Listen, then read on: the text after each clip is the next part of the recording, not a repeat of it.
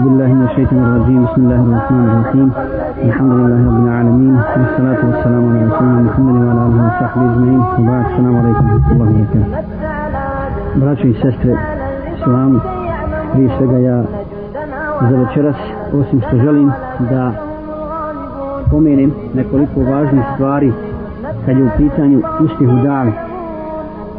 Želim da se vratimo svi zajednički na poslanički menheđ, odnosno program i životni put i metod koji su koristili Allahu i poslanici u davi, jer smatram, posebno u ovom našem vaktu, koje je jako bremenito problemima i velikim iskušenjima umeta, da je vrlo važno ponovo proanalizirati kako su to poslanici pozivali u davi, jer nema uspjeha, sigurno nema uspjeha u davi, ako se skupine ili pojedinci koji pozivaju u istinsku akidu ne pozovu i ne vrate na ovaj poslanički program.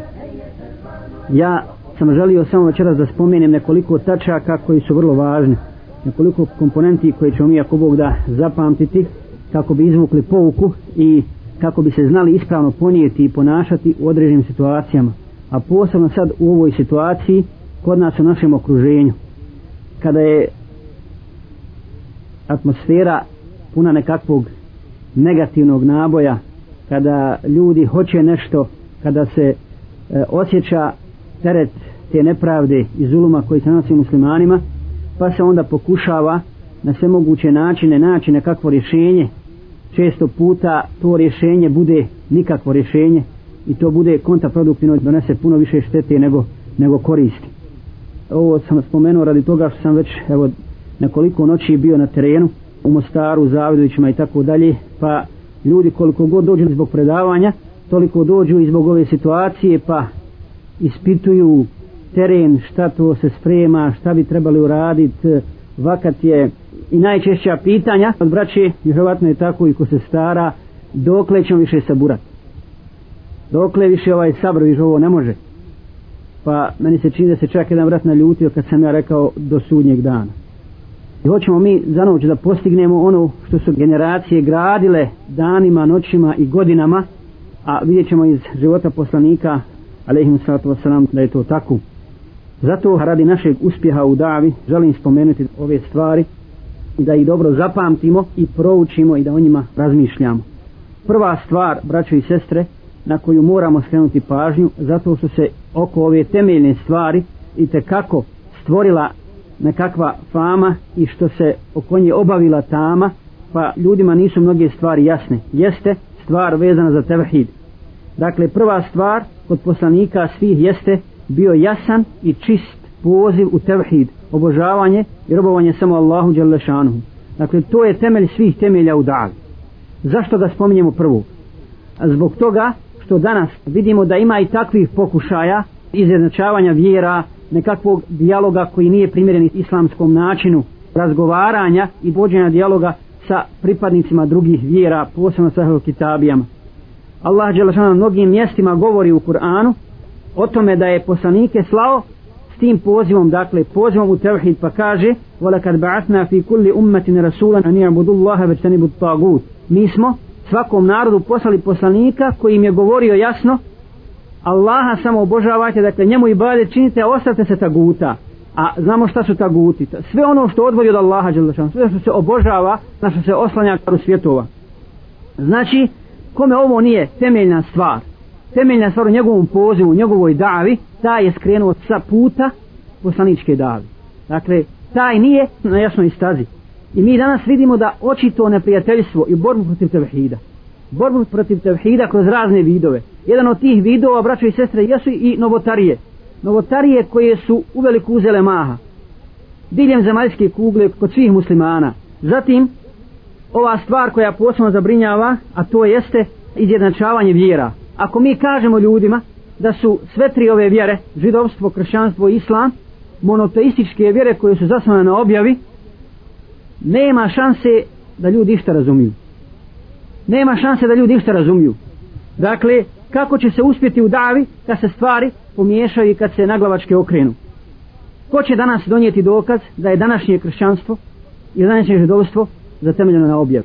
Naprotiv, donijećeš milion dokaza da to nije tako.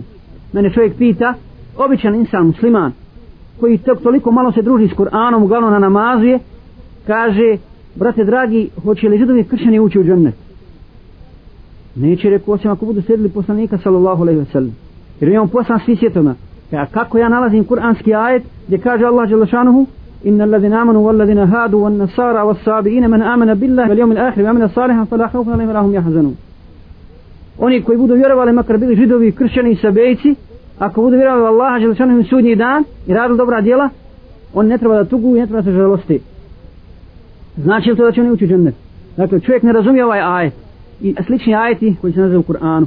Dakle ako se ovo ne bude kako treba objašnjavalo ljudima i potencirao tevhid u koji je pozivao svaki poslanik a posebno posljednji Allahov poslanik koji je poslao čitavom čovječanstvu Muhammed sallallahu alaihi ve sellem onda stvari neće ići kako treba. Na ovome polju se posebno mora poraditi. Ne kažemo sad da treba preko koljena stvari odrađivati kako ćemo vidjeti kasnije nego sam želio dakle da stalno imamo ovo na umu. Ne smijemo dozvoliti da nam šeitan zavede s te strane i koliko danas ima skupina muslimanskih koje ne smatraju židove i kršćane nevjernicima? Običnih ljudi a čak i oni koji se bave proučavanjem islama. Nekakvih teologa i tako dalje koji ne smatraju židove kršćane nevjernicima. A Kur'an jasno govori o njihovom kufru. Jasno se Kur'an izražava i potpuno decidno da nema nikakve sumnje u to. I poslanik sa selam kaže tako mi mnogo očije ruci moja duša. Neće. Neće niko čuti za mene bio on židov ili kršćanin a ne povjeruje u mene i umre a da neće učuvati dakle to je jasna stvar da je poslanik sa sam došao s tevhidom i da nema druge vjere i da se ne priznaje makar da su autentični. Da su autentične knjige koje imaju židovi i kršćani one se ne pitaju. one se ne broje kako je rekao Muhammed sallallahu alejhi ve sellem Omeru kada je našao original liste vrata ostavi to. Ostavi to tako mi Allaha da je Musa alejhi živ morao bi morao bi mene slijediti. Druga stvar ili obilježje poslaničke dave jeste pozivanje ljudi u robovanje Allahu Đelešanu. Dakle, pozivanje ljudi u robovanje Allahu Đelešanu jedinu. Zbog čega ovo kažem? Radi toga što to mora biti naš glavni cilj. I ne smije se s tim ciljem ništa pomiješati. Ništa se s tim ciljem ne smije pomiješati. Ako se s tim ciljem pomiješa bilo šta drugo, ne do Allah da dođe takva situacija da čovjek hoće da kroz proučavanje Islama poziva u nekakav svoj autoritet, da se on istak, da on pokaže svoje znanje i svoj ilm, taj je promašio cilj svoje dave. Ili da poziva u određenu organizaciju, u određenu skupinu ili džemat koji se mora slijediti. Dakle, to potiskuje sigurno uspjeh i usporava, svakako usporava uspjeh u davi. I takav ne treba se pitati radi čega. Ako se pomiješa svojim pravim ciljem bilo sa drugo, takav ne treba se pitati zašto mu ne uspjeva dava. Ona sigurno neće uspjeti. Zatim, sljedeća stvar, a kod nas toga ima danas. Mi smo svjesni toga. Zato se ljudi pitaju zašto ne uspijevamo. Zašto smo u ovakvoj situaciji kako jesmo. Dobro, ako se pita što je, ja ću odgovoriti drugim pitanjem. Zašto muslimanski džemati koji pozivaju islam ne mogu zajedno? Zašto oni koji pozivaju islam kao pojedinci, kao daje, ne mogu zajedno? Zašto ne možemo naći zajednički stav? I zašto evo sada u ovoj situaciji, u kakvom se danas nalazimo, zašto dozvoljavamo da pojedinci pozivaju na nekakve demonstracije? Zašto dozvoljavamo takav haos da nam se desi, da nema danas ko? Među muslimane stat, izići kazat čekaj mi smo jedno mi znamo kakav je naš cilj imamo naš program imamo našu strategiju razrađenu i idemo istom stazom idemo ka istom cilju na Allaha Đelešanu. Nema toga onda su ljudi prepušteni sami sebi. I onda dozvoljavamo sebi takav luksus da neki od pojedinaca koji su ljubomorni prema Allahu i vjeri ja ne kažem da je taj Hamas negativna stvar ali je vrlo bitno kad će se ispoljiti i kada i vrlo je bitno ne dozvoliti ljudima koji ne posjeduju dovoljno šerijskog znanja da oni vode stvar I onda ode, onda propade dava. A mi možemo lahko zakočiti davu, lahko je možemo zaustaviti, nema problema, ako to hoćemo, ako nam je to cilj, a to nam nije cilj. Dakle, radi toga, zašto nismo zauzeli jedinstven stav? Sve islamske omladinske organizacije, islamska zajednica, političke partije koje se bore za opstanak islama na ovim prostorima. Znači, bojimo se odgovornosti. Bojimo se odgovornosti. Ne možemo zajedno. A svi pozivamo islam. I svi govorimo istu stvar svi govorimo isto istoj stvari u većini slučajeva a nikako da nađemo zajednički stav radi toga govorim dakle da se moramo vratiti na ovo naša dava mora biti usmjerena samo u kojem pravcu izvođenju ljudi, izrobovanja ljudi, robovanja Allahu Đalešanu. Zatim, treća stvar koja se stalno, stalno promiče kroz Kur'an, kroz Allahu objavu, i riječi Allaha Đelešanu koje stavlja u usta svojih poslanika jeste la es'alukum alaihi ajra ja od vas ne tražim za ovo nikakvu nagradu jel tako rekao Nuh a.s. svome narodu jel tako govorio Šuajb a.s. svome narodu i Hud a.s. i Salih i tako dalje svi poslanici od Abba do Muhammeda s.a.v.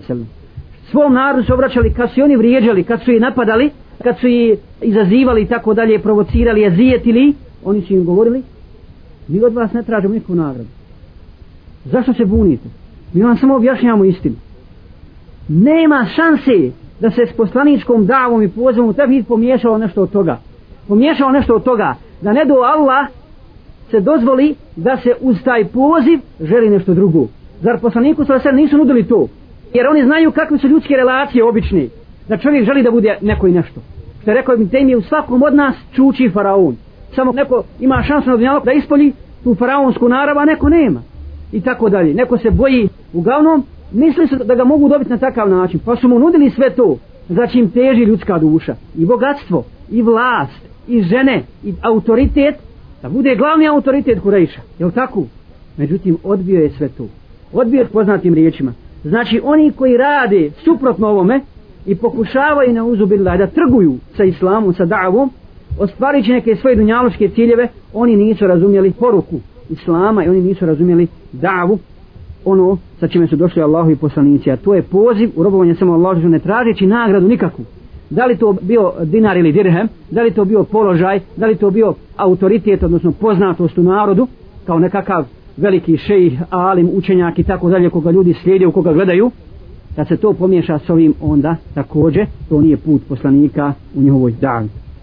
Zatim i toga se posebno moramo svi bojati i to je kočnica u dan ne može me niko ubijediti da toga nema. Ako mi nismo spremni svi koji slijedimo Allahu u istinu poslovni koji pozivaju islam da stavimo glavu u prašinu a islam da ide gore onda nema uspjeha.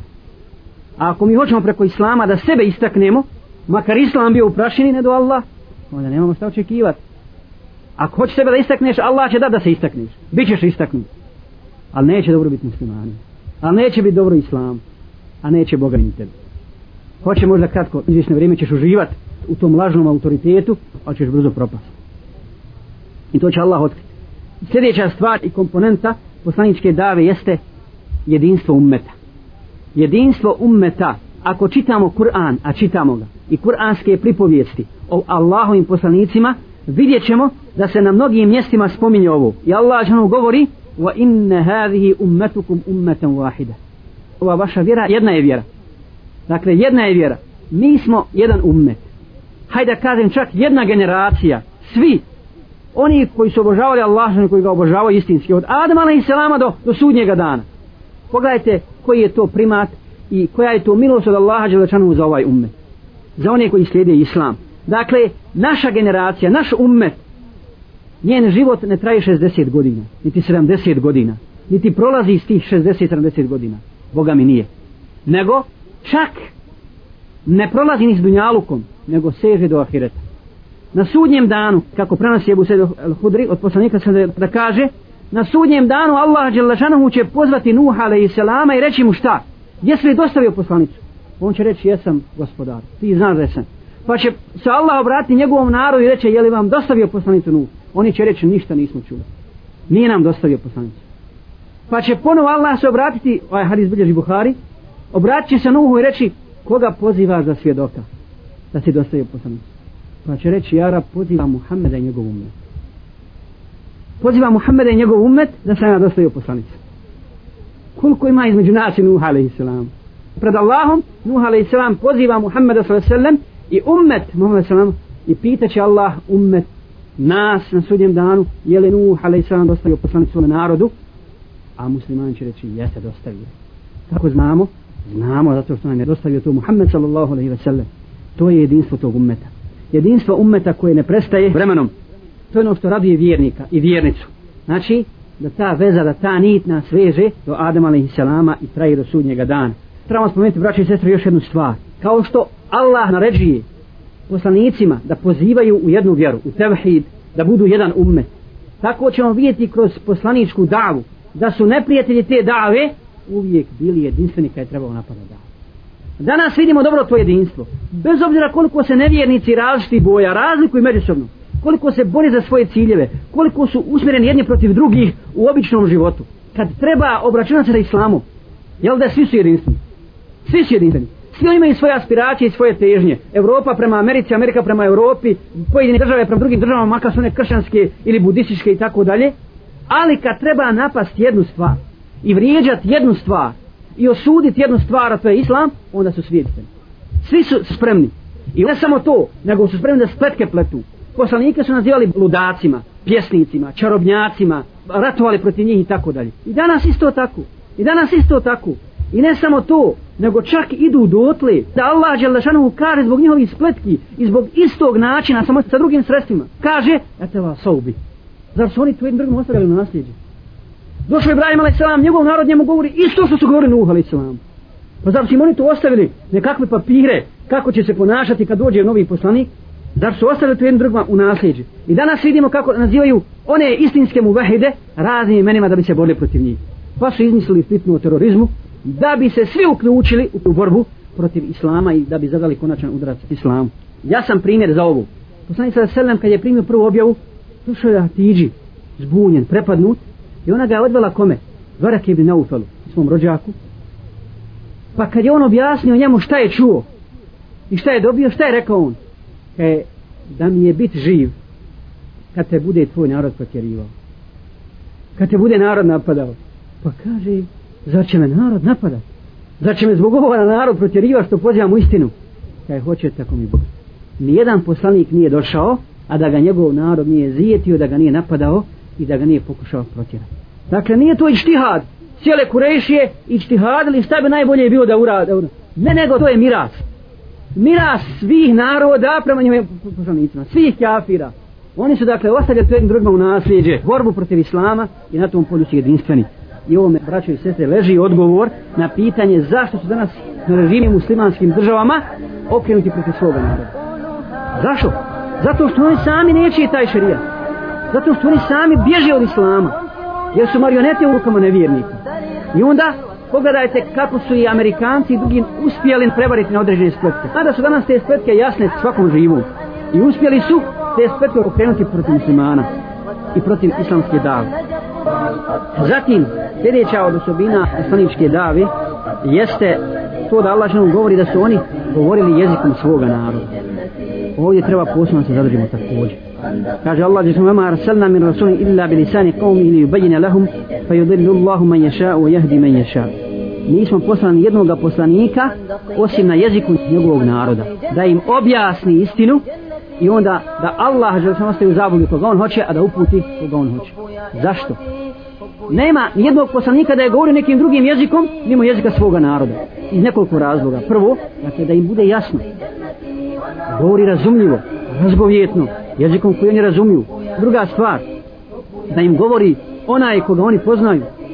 Onaj koga oni poznaju, dakle čovjeka, kad znamo tog insana, kad znamo ga kakav je bio prije objave, nema niko da će kazat e, ovaj poslanik je bio takav i takav prije toga kao što može danas za nas neko reći a za poslanike ne može i da on njih poznaje i da on poznaje njihov hal i njihovo stanje da razumije stvarnost oko sebe kako bi mogao zauzeti pravilan stav. I ispravno se postaviti prema njima.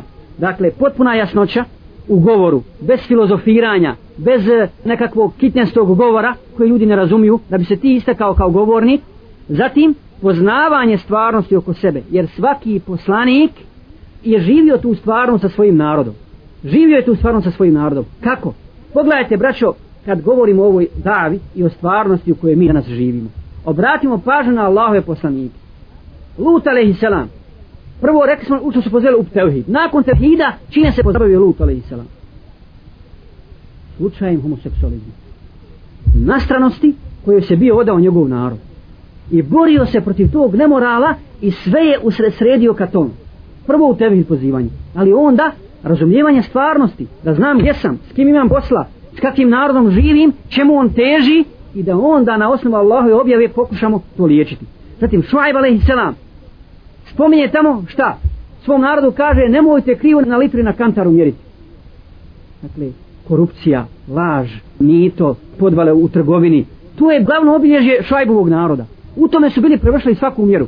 I Šuajb a.s. sam poslije pozvao u tevhid, pozabavio se time.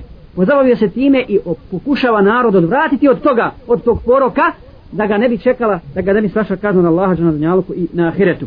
Musa alaih sallam također i svaki drugi poslanik Allahu, dakle usredsredio se na tu stvarnost u kojoj je živio i pokušao je liječiti određene bolesti duhovne, društvene i tako dalje.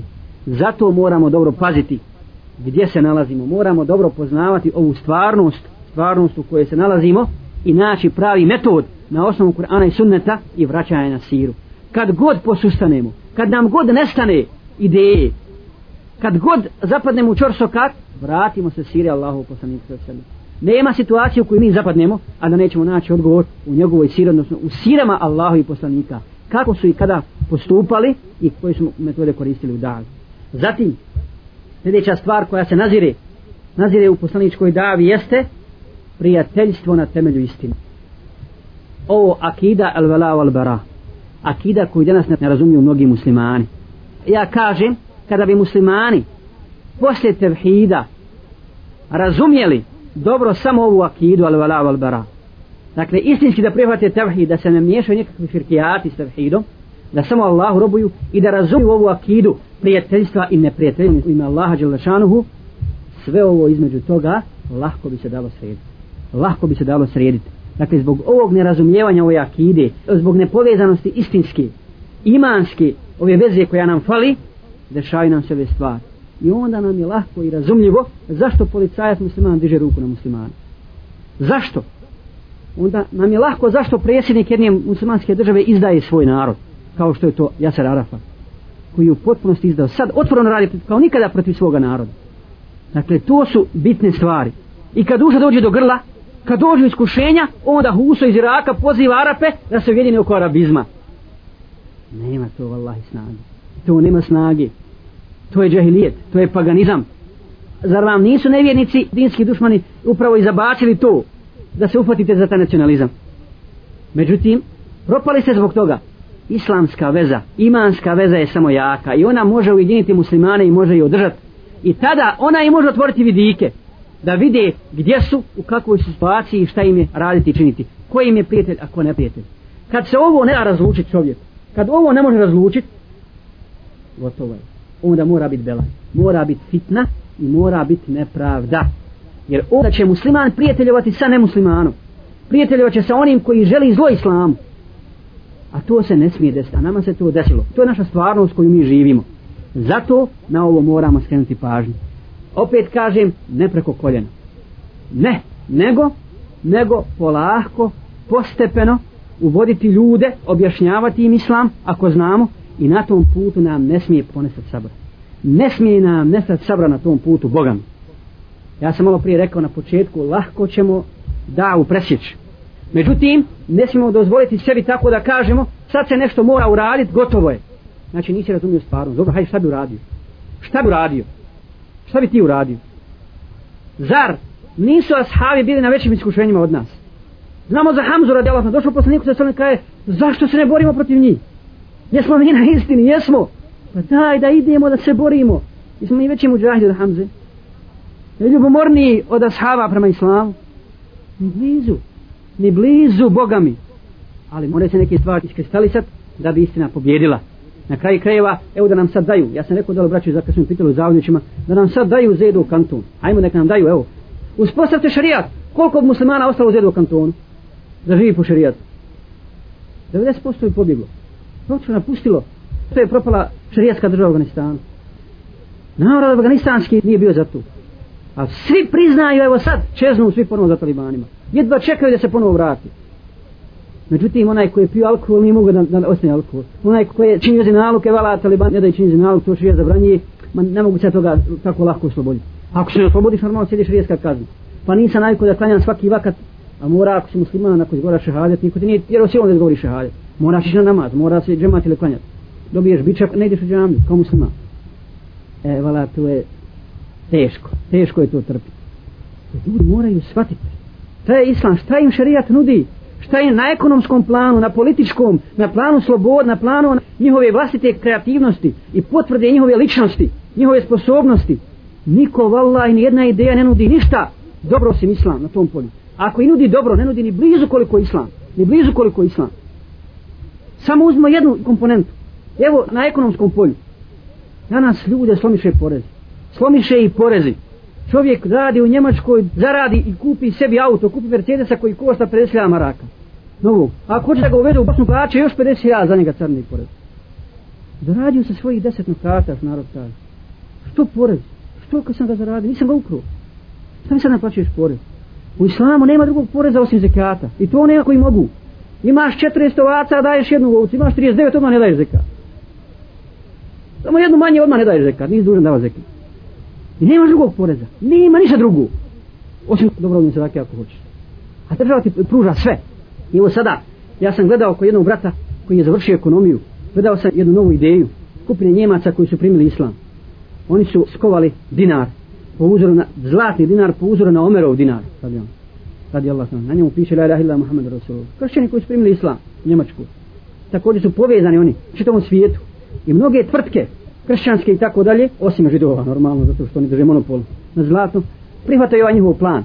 I njihova parola je u jednom od tih časopisa stoji jedan musliman kršćan također koji primio islam kaže ako hoćeš da budeš ekstremista nemoj otići za pal bank nego otiđi zapali svoj ček u banki Dakle, ne treba ti ekstremizam da odeš srušiti banku koja posluje s kamatom ili ne posluje s kamatom, nego svoj ček. Zašto? Zato što su novac koji danas su ponudili ovi, ovi papiri, manipulacija narodom. To nije vrijednost. Mi smo govorili svi marka je vrijednost, marka je stabilna. Pa kada je stabilna, što si je ukinuli? Što si je ukinuli? Ne, nego je zlato vrijednost. Zlato je vrijednost, a njega nema. Dakle, to su te stvari koje moramo narodu objasniti. Narodu objasniti, jer ne pije vode je samo prazan govor moramo nešto u praksi potvrditi. Našim ponašanjem lako je tekbirat. Lako je tu. Nije problem tu. Čak je i lakše i džihad voditi. I u to smo se ubijedili. Često puta je lakše džihad voditi, mada je žrtva veća. Ali ponosniji čovjek zna šta hoće i gotovo ide u ime Allaha, nego da učini. To je mukotrpno. Ali nam je cilj da se što više ljudi spasi džehendama. Da nam ne bi sutra bilo na sudnjem danu svjedoci, svjedoci protiv nas. Zatim, sljedeća stvar jeste oslonac na Allaha Đalešanuhu u svim situacijama. U svim situacijama vidimo Allahove poslanike. U najtežoj situaciji Nuh alaih selam 950 godina poziva i prihvata ga samo 12 ljudi. 12 ljudi samo muslimani. I gotovo kad su ga toliko izređali on kaže gospodaru ja se obraćam. Inni maglubum sam to. Ja sam poražen. Ti se osvijeti. Ti se osvijeti gospodaru. Na tebe se oslanjam. Na tebi se vraćam. I u tebe se puzdajem tako svi Allahi poslanik. nisu nikada gubili nadu da će Allah dati pobjedu da će Allah dati izlaz. I pokuđeno je očajavanje po šerijetu. Prošli put smo nešto samo malo govorili o očajavanju. A hoćemo sad da spomenemo jednu stvar a to je zato što se i dalje to dešava muslimanima. Dakle da je po šerijatu ne pokuđeno nego zabranjeno očajavati. Ne znam kako iskušenje da te snaži. Kaže Allah šanuhu innehu la jesu min rauhillahi illa laqawmul kafiru. nadu Allahom gube samo nevjernici. Gube samo nevjernici. Zatim posmatranje prirodnih zakona koje Allah uspostavio. Ova vjera je došla od Allaha Đelešanu. I Allah zna stanje ljudi. Allah zna u kakvom su iskušenju muslimani. I Allah voli islam i voli muslimane. I želi da pobjedi ta vjera. I sigurno će napod pobjediti. I zašto mi da ubrzamo neku stvar? Onda, to samo moramo posmatrati ulogu ummeta. Jer smo mi odradili svoju ulogu. Kako treba. Allah kaže smo mi svjedoci na sudnjem danu drugim narodima. Ali je poslanik sve protiv nas. Hoće to biti tako ili će samo poslanik sve protiv nas zbog toga što mi nismo odradili svoj posao kako treba. Zatim, nekada loše stvari koje mi vidimo lošim u vanjštini, u suštini su dobre. Budu dobre za islam. Suraka ibn Malik je pošao da ubije poslanika sallallahu alaihi wa sallam. Ima ovamo nagradu, ima hiljadu deva ali stotinu deva, nije bitno. Čuo je kojim putom se otišao u Bekr i poslanik sallallahu alaihi wa sallam. I sustiže i, sustiže i kada se u Bekr boji za za poslanika sallallahu alaihi wa sallam, šta se dešava? Propadanje konja Surakinog, kad se spasio, prihvata islam, i početkom dana biva neprijatelj poslaniku, želi da ga ubije, a krajem dana vraća se i odbija sve one koji su pošli tim putem i kaže im nema nikakvog traga, nisam ih vidio i tako dalje. Tako da je to bio spas za njih. A kad su ga vidjeli, misle se da je to loše za njih. Marijem, radijallahu ta'ala kada je zatrudnila, bez da je rodirno muškarac, vidjela stomak kod sebe. Trudna žena nije udata. Kako će se ona ponašati? I kako se ponaša njen narod kad to primijesti? Šta je rekla? Ja lajte mi nitu kao lehar. teško meni da sam Bog umrla prije ovog. Wa kuntu nasjemen sija, da sam davno zaborav pala. Kada je rodila Isa a.s. kada je rodila poslanika Allahovog, jednog od ulula azm, od pet odobranih poslanika, je li je bilo krivo? Je li tada žalila? Nije, bilo je drago što je ostalo u životu, ali to je iskušenje za nju. Zatim čitanje istorije, istorije, odnosno sira svih Allahovi poslanika i svih daija koji su borili za Allahu istinu. Musa a.s. faraon. Kad je faraon potjerao Musa a.s. njegov narod koji je prihvatio davu, došli do mora i vojska, hiljade, stotine hiljada vojnika krenula prema njima i stigli, šta kažu židovi? Šta su rekli Musa a.s. Bili smo ponižavani, evo sad ponovo, i gore, i gore, sad će nas ovaj sa svojom vojskom svi upobijati. Da kaže Musa a.s. Kella, inne ma'i rabbi se jehdin. Ne, ne, ne, ne se to desiti. Sa mnom je moj gospodar i on će nam putano što je najbolji. On će nam dati, dati izlaz. Zatim Hudejbija. Hudejbija kod poslanika sa selem. Omer radijalatan izlazi i kaže neće da pošle sahabi da se obriju, da izvrše obrede hađa. Jer je poslanik sam skopio ugovor za koji je sahabi kažu da je to ugovor protiv muslimana i protiv islama. Je li bio ugovor protiv islama protiv muslimana? Nije. Je li ga Omer razumio? Nije ga čak ni Omer razumio. Kad jesmo mi na istim poslaniče, jesmo, pa zašto onda ne idemo? Pa ako smo na istini, ne moramo sad odmah krenuti. Ne moram, neće ljudi da prihvati. Ne daju nam. Ove godine poniženi bi tavafi dok u Kjabi. Iduće godine, ako Bog daje to uvod u osvajanje Mekke, pa ćemo mi ponosno ući u Meku i, i tavafiti. Situacija treba da sazrije. Dakle, to su stvari na koje sam ja želio da ukažem večeras. Molim Allaha Đelečanu da nas učvrsti na istini, da nas okupio kod Kur'ana da nam podari istinsko razumijevanje, da nam podari sabr, da ubrza pobjedu istine, da ne dozvoli nevjernicima da ubace kurs među nas, jer mi, braći i sestre, ne smijemo sebi dozvoliti takav luksuz. Ako to urade, oni su završili posao s nama. Onda će oni koji nisu s nama, naš običan narod i vlada, lahko ratovati protiv nas. Stvar tada će kafir lahko ratovati protiv nas. Oni će samo sa strane posmatrati, kao što židovi posmatraju kako Jasar Arafat i njegova policija hapse muđahide u Palestini. Ne. Naš narod počinje da razumijeva jezik naš. Počinje da razumijeva naš jezik, razumije stanje u kome se nalazimo i ne smijemo mi biti ti koji će stalno biti nekakva sirovina, stalno biti na prvoj liniji istoreni, pa da posle toga neko preko nas ostvaruje svoje ciljeve i da ubaci put na nas. Treba da budemo u buduće filter, inša Filter koji će usmjeravati i pročišćavati stvari na to kako je Allah je zadovoljan. Jer kaže uzvišeni in takunu ta'lamuna fa innahum ya'lamuna kama ta'lamun wa tarjuna min Allahi ma la yarjun. Ako vi dopadate rana i oni rana dopadaju a vi se od Allaha nadate onome čemu se oni ne nadaju.